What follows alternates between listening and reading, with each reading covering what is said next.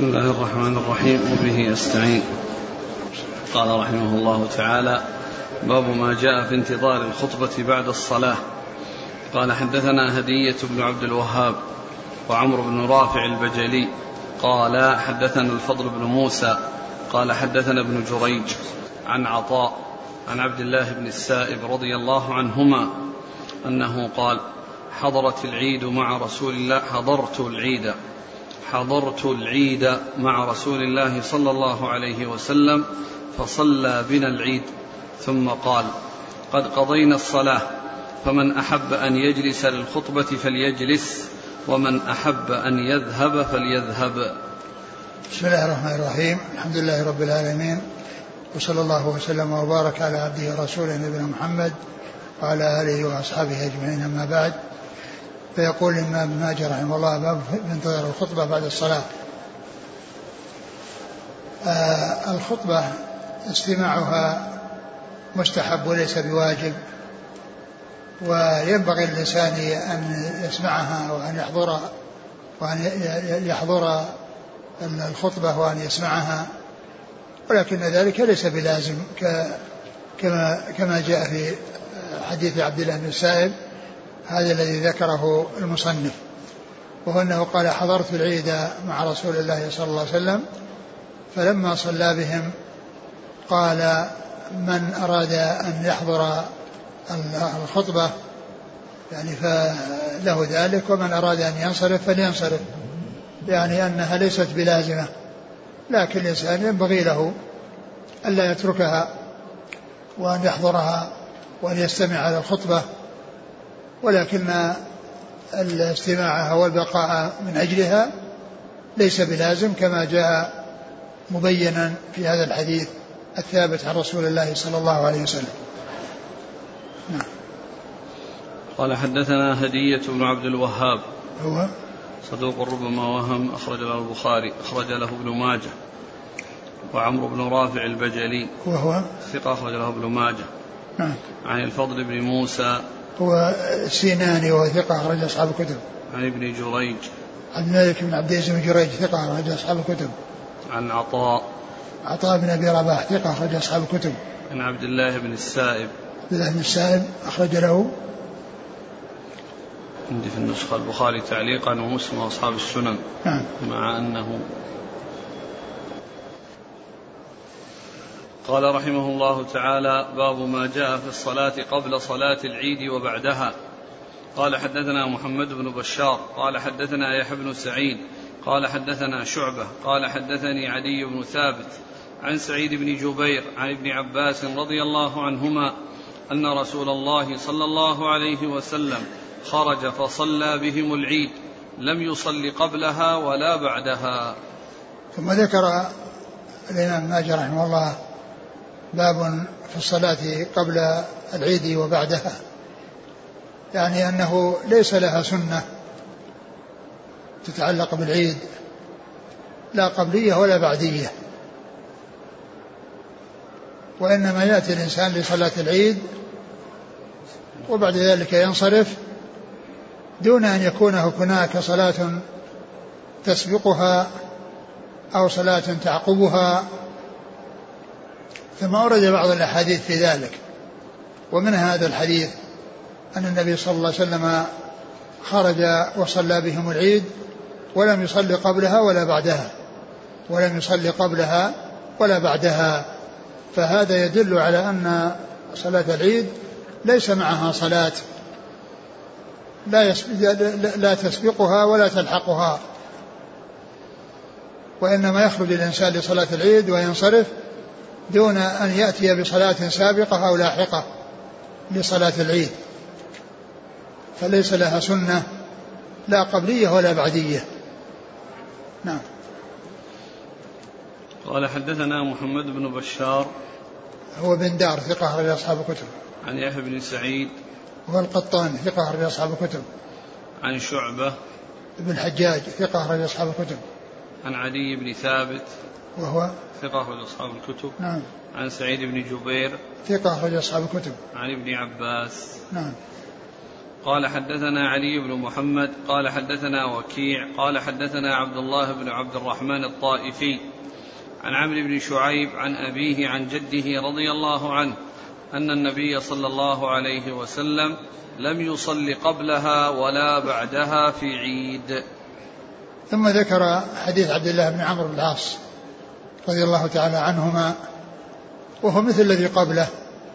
أن النبي صلى الله عليه وسلم في العيد لم يصلي قبلها ولا بعدها وإنما أتى بصلاة العيد وحدها. وليس يسبقها صلاة ولا يعقبها صلاة وهو مثل حديث ابن عباس المتقدم. قال حدثنا علي بن محمد هو الطنافسي ثقة أخرجه النسائي في مسند علي وابن ماجه. عن وكيع. وكيع بن الجراح ثقة أخرج أصحاب الكتب. عن عبد الله بن عبد الرحمن الطائفي. وهو؟ صدوق يخطئ ويهم, ويهم أخرج البخاري في المفرد ومسلم وأبو داود. والترمذي في الشمائل والنسائي وابن ماجه. عن عمرو بن شعيب. وهو صدوق خرجه البخاري في جزء القراءة وأصحاب السنة. عن أبيه. وأبوه صدوق خرجه البخاري في المفرد وجزء القراءة وأصحاب السنة. عن جده. وجده عبد الله بن عمرو بن العاص رضي الله عنهما أحد العباد له الأربعة من الصحابة وأخرج حديثه أصحاب الكتب الستة. قال حدثنا محمد بن يحيى قال حدثنا الهيثم بن جميل قال حدثنا عبيد الله بن عمرو الرقي قال حدثنا عبد الله بن محمد بن عقيل عن عطاء بن يسار عن أبي سعيد الخدري رضي الله عنه أنه قال كان رسول الله صلى الله عليه وسلم لا يصلي قبل العيد شيئا فإذا رجع إلى منزله صلى ركعتين. الصحابي منه؟ أبي سعيد. ثم ذكر حديث أبي سعيد الخدري رضي الله عنه أن النبي صلى الله عليه وسلم كان لا يصلي قبل صلاة العيد شيئا وإذا رجع صلى في بيته ركعتين. فهذا فيه أنه لا يصلي قبلها ولا بعدها في موضعها لأنه لم يثبت عنه أنه صلى عليه الصلاة والسلام للعيد صلاة قبلية ولا بعدية في موضعها. وقد جاء هذا الحديث فيه أنه يصلي ركعتين بعدما ينصرف إلى بيته و فهي ليست متعلقة بالعيد من ناحية المكان. وقد تكون هي صلاة الضحى أتى ركعة للضحى. وقد تكون للعيد ولكنها ليست في موضعها وإنما هو في البيت. لكن المصلى ليس فيه صلاة لا قبلية ولا بعدية.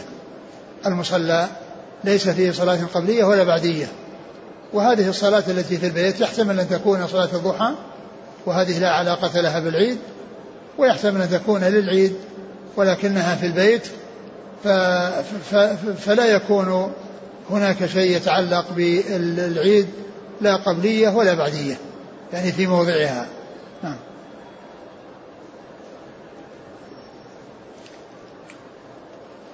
قال حدثنا محمد بن يحيى هو الدهلي ثقة أخرج له البخاري وأصحاب السنة. عن الهيثم بن جميل وهو ثقة أخرج البخاري في المفرد وأبو داود في القدر والنسائي في مسند علي وابن ماجه. عن عبيد الله بن عمرو الرقي. وهو ثقة أخرج أصحاب الكتب. عن عبد الله بن محمد بن عقيل. وهو صدوق أخرج له. قال في المفرد وأبو داود والترمذي وابن ماجه. نعم. عن عطاء بن يسار. ثقة أخرج أصحاب الكتب. عن أبي سعيد الخدري. أبو سعيد الخدري سعد بن مالك بن سنان. أحد السبع المكثرين من حديث الرسول صلى الله عليه وسلم.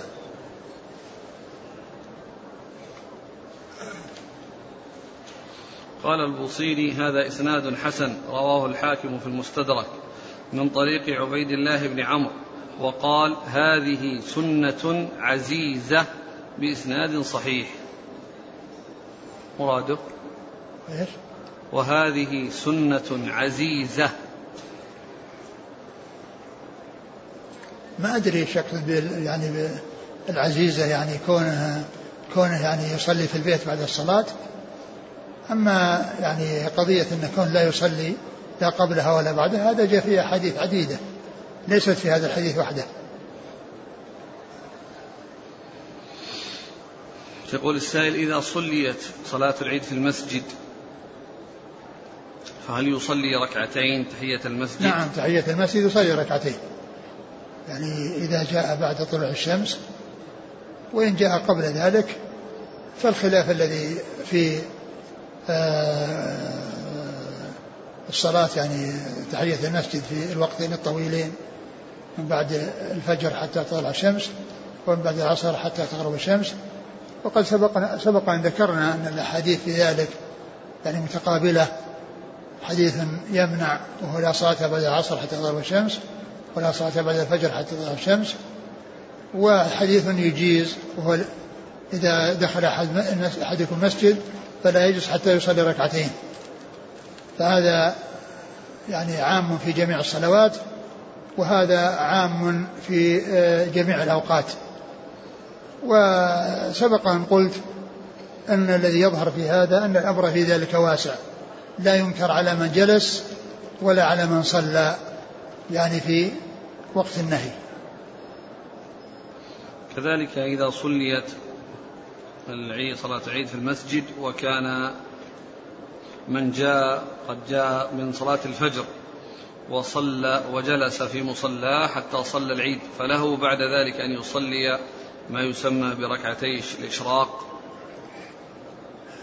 للإنسان أن يصلي صلاة الضحى أو الإشراق يعني بعد صلاة العيد. آه لكن كونه يصلي النوافل في بيته أفضل.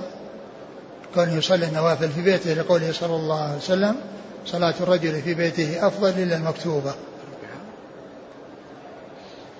على هذا الحديث الأخير هل يقال بأن هناك سنة بعدية ولكنها في البيت للعيد؟ ليس بواضح. قد تكون أنها قد تكون أنها صلاة ال صلاة ال الضحى ركعة الضحى وقد يقال أنها يعني تبعا للعيد ولكنها يعني آه، إذا فعلت في البيت كما فعل الرسول صلى الله عليه وسلم فالحديث دل على ذلك. قال رحمه الله تعالى باب ما جاء في الخروج إلى العيد ماشيا. قال حدثنا هشام بن عمار قال حدثنا عبد الرحمن بن سعد بن عمار بن سعد قال حدثني أبي عن أبيه عن جده رضي الله عنه أن النبي صلى الله عليه وسلم كان يخرج إلى العيد ماشيا ويرجع ماشيا. ثم ذكر الخروج إلى العيد ماشيا يعني كونه يمشي على رجليه ليس راكبا. هذا هو المقصود من الترجمة. وقد أورد المصنف أحاديث متعددة لا تخلو من مقال ولكنها بمجموعها تدل على على الترجمة. ولا شك أن ذلك فيه زيادة الأجر وفيه زيادة الثواب. وقد قال عليه الصلاة والسلام في حديث في حديث, في حديث عائشة أجرك على قدر نصبك. وإذا كان الإنسان يعني ركب فلا بأس بذلك. وقد مر في الجمعة يعني ما ما يشبه ذلك لأن من بكر وابتكر ومشى ولم يركب يعني لا شك أن هذا هو الأكمل والأتم والأكثر أجرا لأن الأجر على قدر النصب. ولو ركب الإنسان فإنه لا بأس بذلك. والنبي صلى الله عليه وسلم كان يخرج إلى العيد ماشيا ويرجع ماشيا. كما جاء في هذا الحديث وغيره من الأحاديث التي سيذكرها المصنف. نعم. قال حدثنا هشام بن عمار. صدوق أخرجه البخاري وأصحاب السنة. عن عبد الرحمن بن سعد بن عمار. عبد الرحمن بن سعد بن عمار ضعيف أخرج حديث ابن ماجه. عن أبيه. وأبوه مجهول الحال أخرج له ابن ماجه. عن جده. وجده مقبول أخرج له ابن ماجه. عن جده. وجده سعيد سعد القرض سعد القرض رضي الله عنه أخرج له ابن ماجه. ففيه آه ثلاثة يعني متناسلون آه، متوالون ضعيف ومستور ومقبول.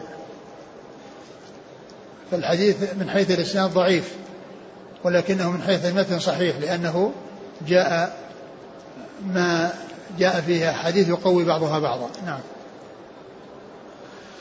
قال حدثنا محمد بن الصباح قال أخبرنا عبد الرحمن بن عبد الله العمري عن أبيه وعبيد الله عن نافع عن ابن عمر رضي الله عنهما أنه قال كان رسول الله صلى الله عليه وسلم يخرج إلى العيد ماشيا ويرجع ماشيا. ثم ذكر هذا الحديث عن ابن عمر وهو مثل الحديث الذي قبله أنه يذهب ماشيا ويرجع ماشيا. قال حدثنا محمد بن الصباح. صدوق أخرجه أبو داود وابن ماجه. عن عبد الرحمن بن عبد الله العمري. وهو ضعيف. متروك. متروك أخرج له. ابن ماجه. نعم. عن أبيه.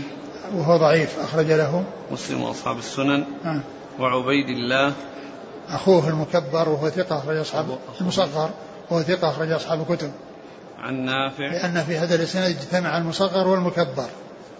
والمكبر ضعيف والمصغر ثقة. والمصغر ثقة أخرجه أصحاب الكتب. عن نافع. نافع مولى بن عمر ثقة أخرج أصحاب الكتب. عن ابن عمر. نعم. قال حدثنا يحيى بن حكيم قال حدثنا أبو داود قال حدثنا زهير عن أبي إسحاق عن الحارث عن علي رضي الله عنه أنه قال إن من السنة أن يمشى إلى العيد. ثم ذكر حديث علي رضي الله عنه أنه قال إن من السنة أن يمشى إلى العيد. والصحابي إذا قال السنة فإنه في حكم مرفوع والمقصود ذلك سنة الرسول صلى الله عليه وسلم. إذا قال الصحابي من السنة كذا أو السنة كذا فهو مرفوع أو حكم مرفوع وهي سنة الرسول صلوات الله وسلامه وبركاته عليه. نعم. قال حدثنا يحيى بن حكيم. هو؟ ثقة أخرجه أبو داود والنسائي بن ماجه. نعم. عن أبي داود. هو الطيالسي سليمان بن داود ثقة أخرجه البخاري تعليقا ومسلم وأصحاب السنن. عن زهير. وهو؟ بن معاوية الجعفي ثقة أخرجه أصحاب الكتب. نعم. عن أبي إسحاق. السبيعي عمرو بن عبد الله الهمداني ثقة أخرج أصحاب الكتب. عن الحارث. وهو ضعيف أخرج له. أصحاب السنن. نعم. عن علي. علي بن أبي طالب رضي الله عنه أمير المؤمنين. ورابع الخلفاء الراشدين الهاديين المهديين صاحب المناقب الجمة والفضائل الكثيرة رضي الله عنه وأرضاه وحديثه عند أصحاب الكتب الستة. قال حدثنا محمد بن الصباح قال حدثنا عبد العزيز بن الخطاب قال حدثنا مندل عن محمد بن عبيد الله بن أبي رافع عن أبيه عن جده رضي الله عنه أن رسول الله صلى الله عليه وسلم كان يأتي العيد ماشيا. ثم ذكر هذا الحديث وهو مثل الذي قبله من الأحاديث. قال حدثنا محمد بن الصباح عن عبد العزيز بن الخطاب. وهو؟ صدوق رجله النسائي في خصائص علي وابن ماجه. نعم. عن مندل. وهو ضعيف أخرج له. أبو داود وابن ماجه. عن محمد بن عبيد الله بن رافع. وهو ضعيف أخرج له. ابن ماجه. عن أبيه عبيد الله بن أبي رافع ثقة أخرج أصحاب الكتب. عن جده. رضي الله عنه أخرج له أصحاب الكتب. قال رحمه الله تعالى باب ما جاء في الخروج يوم العيد من طريق والرجوع من غيره. قال حدثنا هشام بن عمار قال حدثنا عبد الرحمن بن سعد بن عمار بن سعد قال أخبرني أبي عن أبيه عن جده رضي الله عنه أن النبي صلى الله عليه وسلم كان إذا خرج إلى العيدين سلك على دار سعيد بن أبي العاص ثم على أصحاب الفساطيط ثم انصرف في الطريق الأخرى طريق بني زريق ثم يخرج على دار عمار بن ياسر ودار أبي هريرة إلى البلاط. ثم ذكر هذه الترجمه باب الخروج أو الذهاب من طريق والرجوع من آخر. وذلك وقد علل ذلك بوجوه من التعليل ولكن أقربها أن يشهد له الطريقان. أن يشهد له الطريقان لأن الأرض تشهد بما حصل على ظهرها من خير وشر. و فالتعليل بهذا هو أقرب ما قيل في التعليل. فكان عليه الصلاة والسلام يخرج من طريق ويذهب من طريق يذهب من طريق ويعود من طريق. وقد ذكر يعني هذا في هذا الحديث هذا التفصيل الذي فيه الذهاب من طريق والرجوع من طريق. والحديث هو الذي تقدم بالإسناد. أسناده تقدم قريبا وفيه الثلاثة الذين هم متكلم فيهم ولكن الحديث جاء من طرق أخرى صحيحة يعني في الصحيحين وفي غيرهما فالمتن ثابت والإسناد ضعيف. نعم. سلك على دار سعيد بن أبي العاص ثم على أصحاب الفساطيط. الفساطيط الخيام. ثم انصرف من الطريق الأخرى قال آه ثم يخرج إلى البلاط. البلاط مكان يعني معروف يقال له البلاط. قال حدثنا يحيى بن حكيم قال حدثنا أبو قتيبة قال حدثنا عبد الله بن عمر عن نافع عن ابن عمر رضي الله عنهما أنه كان يخرج إلى العيد في طريق ويرجع في أخرى. ويزعم أن رسول الله صلى الله عليه وسلم كان يفعل ذلك. ثم ذكر هذا الحديث عن ابن عمر أنه كان يخرج إلى العيد من طريق ويرجع من طريق ويزعم أن النبي صلى الله عليه وسلم كان يفعل ذلك. يعني ففيه ذكر الفعل والدليل على الفعل. وكلمة يزعم هذه يراد بها الخبر المحقق. يعني أن يخبر خبرا محققا بأن النبي صلى الله عليه وسلم فعل ذلك. نعم. قال حدثنا يحيى بن حكيم عن أبي قتيبة. أبو قتيبة سلم بن قتيبة وهو صدوق. في البخاري أخرجه البخاري وأصحاب السنن. عن عبد الله بن عمر عن نافع عن, عن عبيد الله. ها؟ عن عبيد الله. عن عبد الله. عبد الله بن عمر. نعم. عن نافع عن ابن عمر. نعم. عبد الله بن عمر هذا المكبر. نعم مر قريبا. نافع مولى بن عمر ثقة أخرج أصحاب الكتب. قال حدثنا أحمد بن الأزهر قال حدثنا عبد العزيز بن الخطاب قال حدثنا مندل عن محمد بن عبيد الله بن أبي رافع عن أبيه عن جده رضي الله عنه أن النبي صلى الله عليه وسلم كان يأتي العيد ماشيا ويرجع في غير الطريق الذي ابتدأ فيه. وهذا مثل الذي تقدم. وفيه الجمع بين ذكر المشي وذكر الذهاب من طريق والرجوع من طريق. وقد مرت الأحاديث في المشي وهذا يدل على المخالفة في الطريق. نعم. قال حدثنا أحمد بن الأزهر. نعم. ما مر هذا؟ لا. نعم هو. صدوق له النسائي وابن ماجه. نعم. عن عبد العزيز بن الخطاب عن مندل عن محمد بن عبيد الله عن أبيه عن جده. نعم. قال حدثنا محمد بن حميد قال حدثنا أبو تميلة عن فليح بن سليمان عن سعيد بن الحارث عن أبي هريرة رضي الله عنه أن النبي صلى الله عليه وسلم كان إذا خرج إلى العيد رجع في غير الطريق الذي أخذ فيه. ثم ذكر حديث أبي هريرة وهو مثل ما تقدم من الأحاديث. يذهب من طريق ويعود من طريق. قال حدثنا محمد بن حميد. هو الرازي وهو ضعيف أخرج له. وداود والترمذي وابن ماجه. نعم. عن أبي تميلة. وهو؟ يحيى بن واضح ثقة أخرج له أصحاب الكتب. عن فليح بن سليمان. وهو؟ صدوق كثير الخطأ أخرج أصحاب الكتب. نعم. عن سعيد بن الحارث. وهو؟ ثقة أخرج أصحاب الكتب. نعم. عن أبي هريرة. نعم. هل للإنسان أن يفعل هذا في غير العيد كالجمعة مثلا؟ ما ورد. أقول هذا ورد في العيد ولم يرد في الجمعة. قد يقال يعني العيد في المسجد ومسجد النبي صلى الله عليه وسلم بجوار بيته بخلاف المصلى فإنه يذهب من طريق ويرجع من طريق. هو الحديث يعني جاء في العيدين ولم يأتي في الجمعة. فلا يقال إنه يعني يسن للانسان يذهب من طريق ويرجع من طريق لأنه ما جاء. اخذا من العلة الأرض تشهد. لا بس هو يعني هذا تعليل الذي ثبت.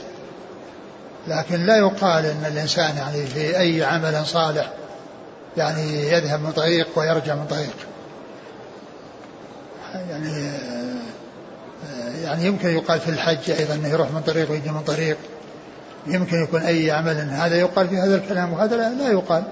وإنما الشيء الذي ورد يقال به والشيء الذي لم يرد يمسك عنه. ثم العلة هذه مستنبطة يعني ليست منصوصة. قال رحمه الله تعالى باب ما جاء في التقليس يوم العيد. قال حدثنا سويد بن سعيد قال حدثنا شريك عن مغيرة عن عامر قال شهد عياض الأشعري عيدا بالأنبار رضي الله عنه فقال ما لي لا أراكم تقلسون كما كان يقلس عند رسول الله صلى الله عليه وسلم. آه ثم ذكر التقليس. التقليس في, في العيد. يوم العيد. تقليس يوم العيد. التقليس يعني فسر بأنه شيء من اللهو يعني يتخذ يعني عند قدوم الوالي أو السلطان. ولكنه ما ثبت في هذا شيء عن رسول الله عليه الصلاة والسلام. والأحاديث التي وردت في هذا الباب ضعيفة. لم يثبت فيها شيء عن النبي عليه الصلاة والسلام. والعيد ليس محلا للهو وإنما هو لشكر الله عز وجل والفرح يعني بالعيد. وأما بالنسبة للأولاد الصغار إذا حصل منهم يعني شيء من اللهو ومن يعني الأشياء التي لا محذور فيها فإنه لا بأس بذلك. وأما الرجال الكبار يعني فإن عليهم أن يكونوا من أهل الجد وأن لا يكونوا من أهل العزل ومن أهل اللعب. وأورد فيه هذا الحديث عن إيش؟ عن عبد الرحمن. عن عياض الأشعري. نعم قال شهد عيدا بالأنبار. نعم الأنبار يعني مكان يعني بلاد. فقال ما لي لا أراكم تقلسون كما كان يقلس عند رسول الله صلى الله عليه وسلم. والحديث غير صحيح فلا حجة فيه. قال حدثنا سويد بن سعيد صدوق أخرج له. مسلم بن ماجه نعم. عن شريك. شريك بن عبد الله النخعي وهو صدوق أخرجه البخاري تعليقا ومسلم وأصحاب السنة. عن مغيرة. مغيرة بن مقسم. نعم. ثقة أخرج أخرج له. أصحاب الكتب. نعم. عن عامر. عامر هو الشعبي ثقة أخرج أصحاب الكتب. عن عياض بن عياض الأشعري. عياض الأشعري هو؟ أخرج له مسلم بن ماجه. هو صحابي. نعم. نعم. حكم له بأنه صحابي. وكيف عياض بن عمرو. إيش قال قال عياض بن عمرو الأشعري صحابي له حديث. وجزم أبو حاتم بأن حديثه مرسل وأنه رأى أبا عبيدة بن الجراح فيكون مخضرما. يعني أنه ليس بصحابي يصير جزم في الأول. نعم. لا هناك اللي يقول أنه يكون مخضرم يعني على أنه مخضرم يعني ليس بصحابي. يعني صحبة مشكوك فيها وقال حديث مرسل. كذا وفي شريك وفي شريك في إسناده. الحافظ يجزم بأنه صحابي ثم نقل هذا عن أبي حاتم. إيه نقل. صحابي. إيه لكن ذاك أنه يقول وجزم أبو حاتم بأنه مخضرم. مخضرم يعني أنه ليس بصحابي. المخضرم هو الذي ليس بصحابي. أدرك الجاهلية والإسلام ولم يلقى النبي صلى الله عليه وسلم. قال حدثنا محمد بن يحيى قال حدثنا أبو نعيم قال حدثنا إسرائيل عن أبي إسحاق عن عامر عن قيس بن سعد رضي الله عنه أنه قال ما كان شيء على عهد رسول الله صلى الله عليه وسلم وإلا وقد رأيته إلا شيء واحد.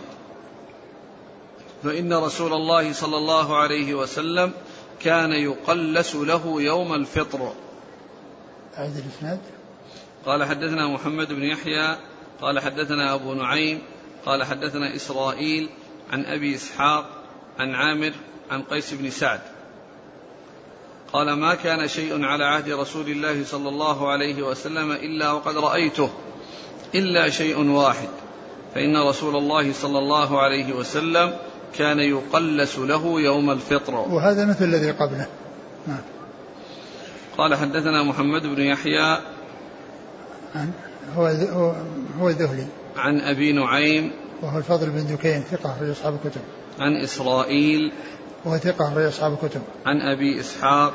وهو ثقة أخرج أصحاب الكتب. عن عامر عن قيس بن سعد. قيس بن سعد هو؟ صحابي أخرج أصحاب الكتب.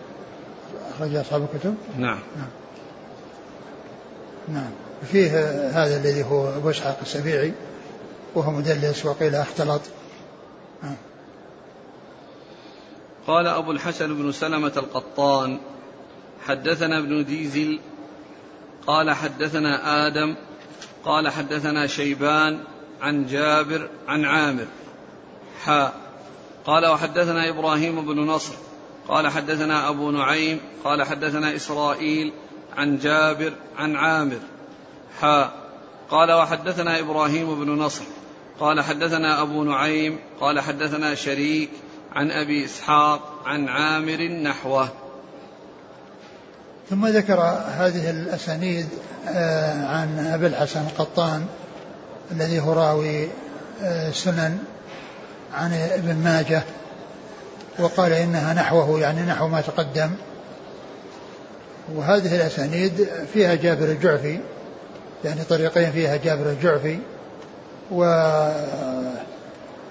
وطريقة فيها شريك. إيش قال الأسانيد؟ قال أبو الحسن بن سلمة القطان حدثنا ابن ديزل. ديزيل. ديزيل. ديزيل. هذا هو إبراهيم ابن حسين بن ديزيل الهمداني. وله ترجمة في لسان الميزان. ترجمة في لسان الميزان ويعني فيها ثناء عليه. نعم. عن آدم.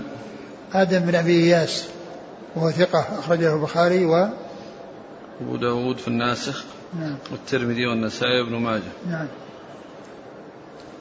عن شيبان؟ عن شيبان نعم. شيبان بن عبد الرحمن وهو ثقة أخرج أصحاب الكتب. عن جابر. جابر الجعفي وهو ضعيف أخرج له. أبو داود والترمذي وابن ماجه. نعم. عن عامر. نعم. ها وحدثنا قال وحدثنا إبراهيم بن نصر. هذا ما ما ما وقفت لها ترجمة. عن أبي نعيم. الفضل بن دكين وهو ثقة أخرج أصحاب الكتب. عن إسرائيل عن جابر عن عامر. قال حاء وحدثنا إبراهيم بن نصر عن أبي نعيم عن شريك عن أبي إسحاق عن عامر نحوه. نعم. قال رحمه الله تعالى باب ما جاء في الحربة يوم العيد. قال حدثنا هشام بن عمار قال حدثنا عيسى بن يونس ها قال وحدثنا عبد الرحمن بن إبراهيم قال حدثنا الوليد بن مسلم قال حدثنا الأوزاعي قال أخبرني نافع عن ابن عمر رضي الله عنهما أن رسول الله صلى الله عليه وسلم كان يغدو إلى المصلى في يوم العيد والعنزة تحمل بين يديه فإذا بلغ المصلى نصبت بين يديه فيصلي إليها وذلك أن المصلى كان فضاء ليس فيه شيء يستتر به.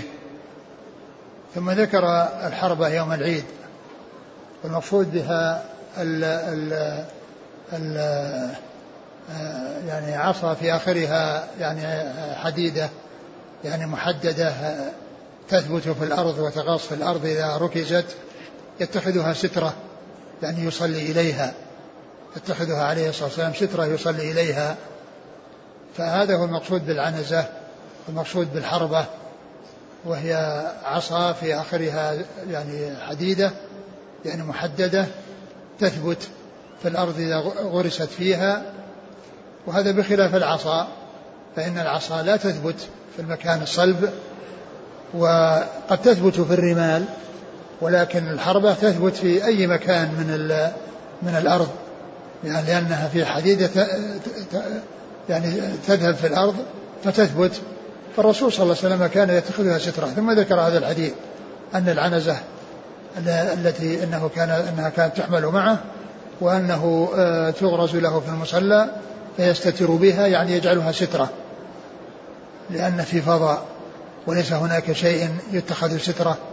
حتى يعني آه، آه، يصلي إليه الإمام. فكانت توضع له هذه الحربة التي تغرس في الأرض ويصلي إليها يتخذها سترة له. نعم. قال حدثنا هشام بن عمار عن عيسى بن يونس. هو؟ أخرج أصحاب الكتب. نعم.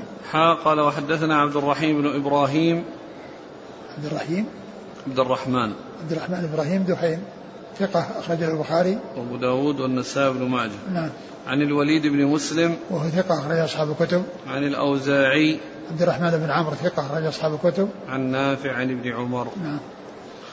قال حدثنا سويد بن سعيد. قال حدثنا علي بن مسهر عن عبيد الله عن نافع عن ابن عمر رضي الله عنهما أنه قال كان النبي صلى الله عليه وسلم إذا صلى يوم عيد أو غيره إذا صلى يوم عيد أو غيره نصبت الحربة بين يديه فيصلي إليها والناس من خلفه. قال نافع فمن ثم اتخذها الأمراء. ثم ذكر هذا الحديث عن ابن عمر رضي الله تعالى عنهما وهو مثل الذي قبله أنه كان يعني تنصب الحربة ويصلي إليها وذلك يعني في العيد. نعم. قال حدثنا سويد بن سعيد عن علي بن مسهر ثقة أصحاب الكتب. عن عبيد الله عن نافع عن ابن عمر. نعم. قال فمن ثم اتخذها الأمراء. يعني إنهم كانوا يعني يتخذونها يعني سترة. الأمراء الذين يصلون بالناس العيد. قال حدثنا هارون بن سعيد الأيلي قال حدثنا عبد الله بن وهب قال أخبرني سليمان بن بلال عن يحيى بن سعيد عن أنس بن مالك رضي الله عنه أن رسول الله صلى الله عليه وسلم صلى العيد بالمصلى مستترا بحربة. ثم ذكر هذا الحديث عن أنس وهو مثل الذي قبله النبي صلى الله عليه وسلم صلى العيد بالمصلى مستترا بحربة يعني أنه جعلها سترة له. يعني مستترا يعني جعلها سترة له يصلي إليها نعم قال حدثنا هارون بن سعيد الأيلي هو ثقة أخرجه مسلم وداود والنسائي بن ماجه نعم عن عبد الله بن وهب ثقة أخرج أصحاب الكتب. عن سليمان بن بلال. ثقة أخرج أصحاب الكتب. عن يحيى بن سعيد. ثقة أخرج أصحاب الكتب. عن أنس بن مالك. خادم الرسول عليه الصلاة والسلام واحد السبع المكثرين من حديثه. قال رحمه الله تعالى باب ما جاء في خروج النساء في العيدين. والله تعالى أعلم وصلى الله وسلم وبارك على عبده ورسوله نبينا محمد وعلى آله وأصحابه أجمعين.